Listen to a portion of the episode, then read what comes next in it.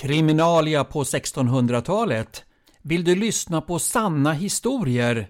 Olika rättsfall som handlar om mord, dråp och dödsdomar runt omkring på Falbygden.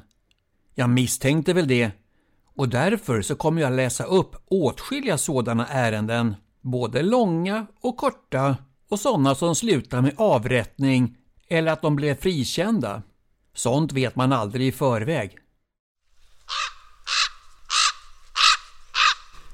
Kriminalia Rättsfall från Falbygden runt mitten av 1600-talet som berör mord, dråp och dödsdomar. 1642 var Tofta häradsting så ställdes Dordi Björnsdotter i Agnestad inför rätten den 15 juli. Vartill fanns följande skäl och anklagelser.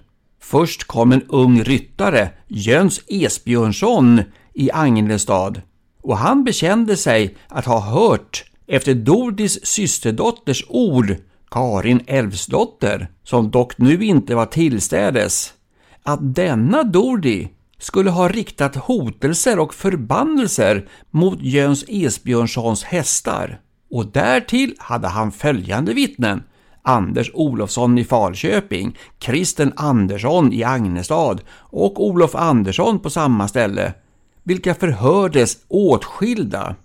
Efter avlagd ed bekände Anders Olofsson att denna Dorli hade en gryta från sin systerdotter, alltså Karin Älvsdotter. Men när hon inte fick tillbaka sin gryta fällde hon följande ord om Dorli.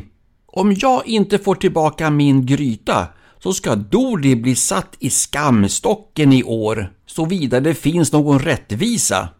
Men Anders Olofsson, han kunde också berätta om denna Dodi att hon hade förgjort hästarna som Jöns Esbjörnsson hade mist. Detsamma bekände också Kristen Andersson. Efter förhöret med dessa båda så inkallades Olof Andersson i Agnestad, en trovärdig man som bekände att han hade hört av Doris systerdotter Karin Älvsdotter när hon själv sade Om jag inte får min gryta igen, då ska jag avslöja allt som jag vet om Dordi.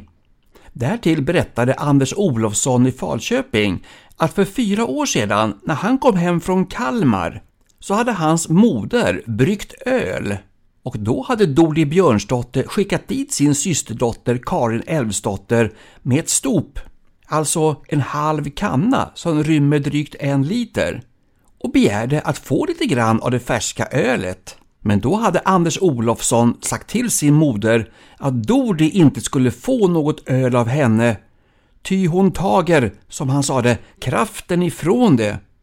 Därmed så fick hon inget öl. Detta hörde Karin Älvsdotter och när hon kom hem så sa hon till Dodi Björnsdotter Hade inte den svarta korpen varit så hade jag fått öl. Då svarade Dodi Björnsdotter att Anders Olofssons moder skulle inte vinna någonting på detta. Och efter tre eller fyra dagar därefter så blev Anders Olofsson så döv att han under 14 dagar inte hörde såvida man inte ropade rakt in i öronen på honom.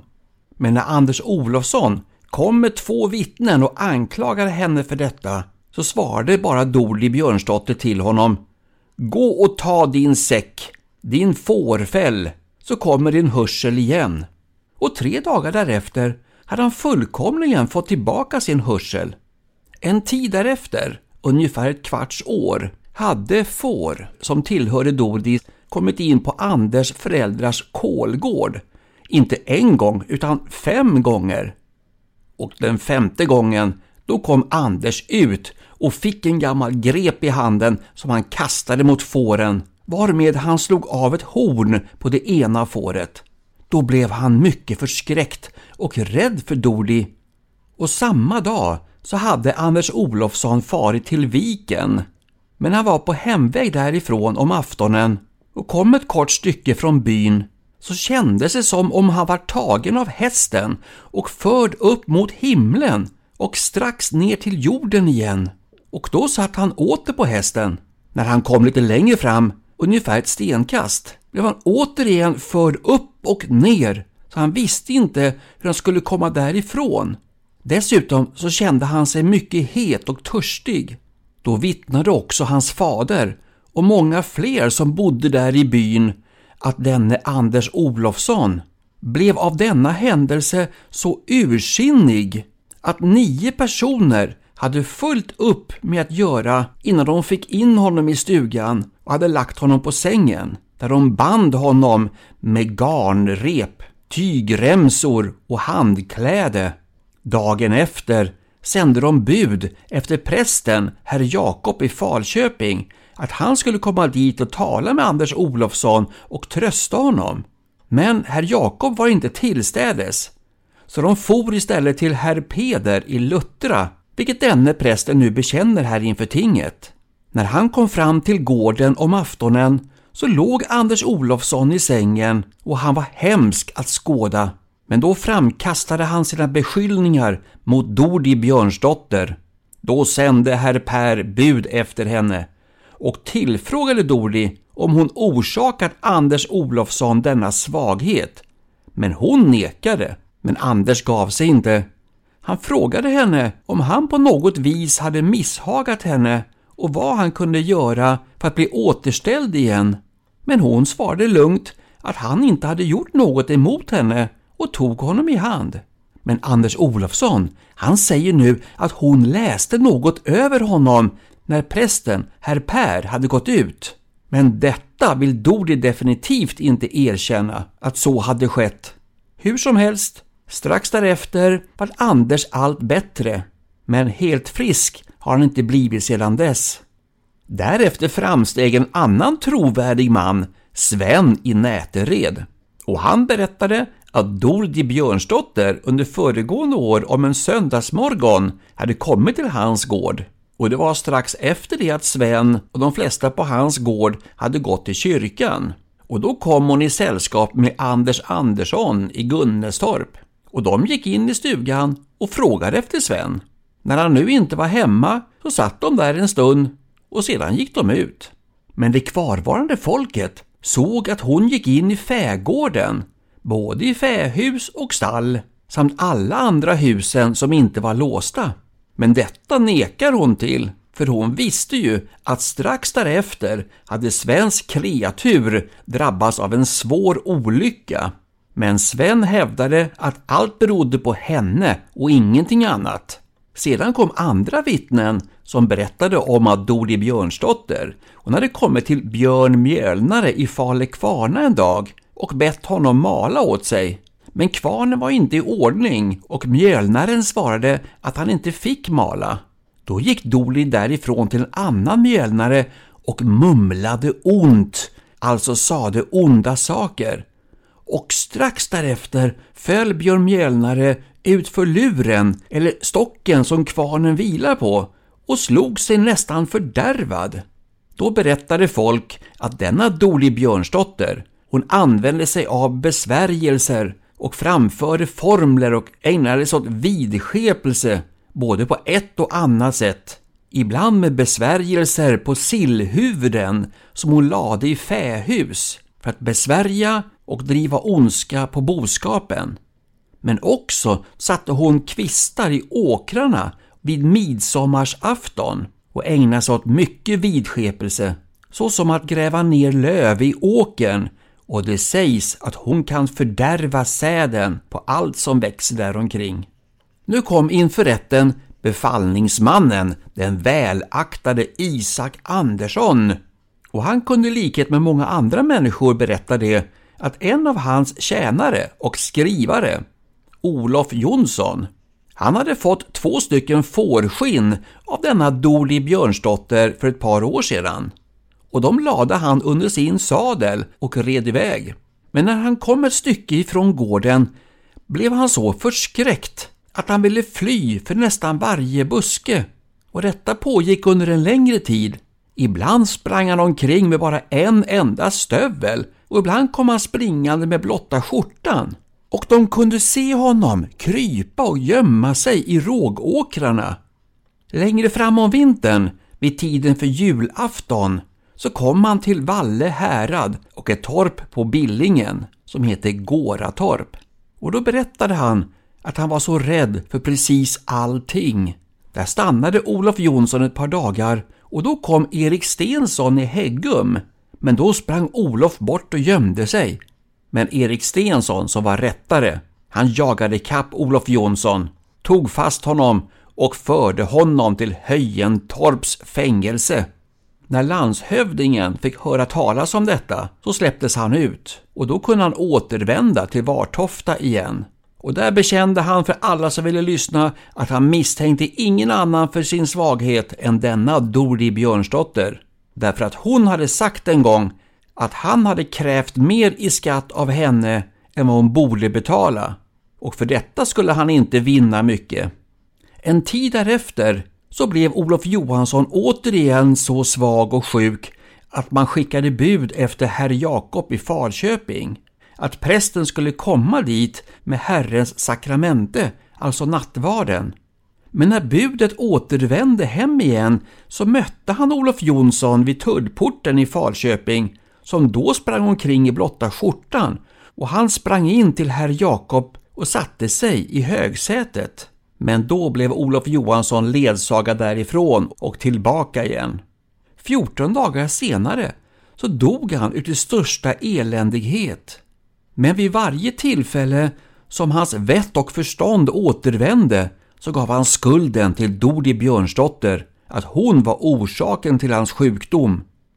Därefter tillfrågades hela tingsallmogen vilket tal och rykte som går ut i bygden om denna Doli Björnsdotter, vartill nästan alla svarade att var och varannan människa kände till henne och såg henne som en stor fara och ingen vågade neka henne vad hon än begärde därför att om de nekade henne något så fick de strax en olycka därför att hon säger upp vänskapen och lovar ont.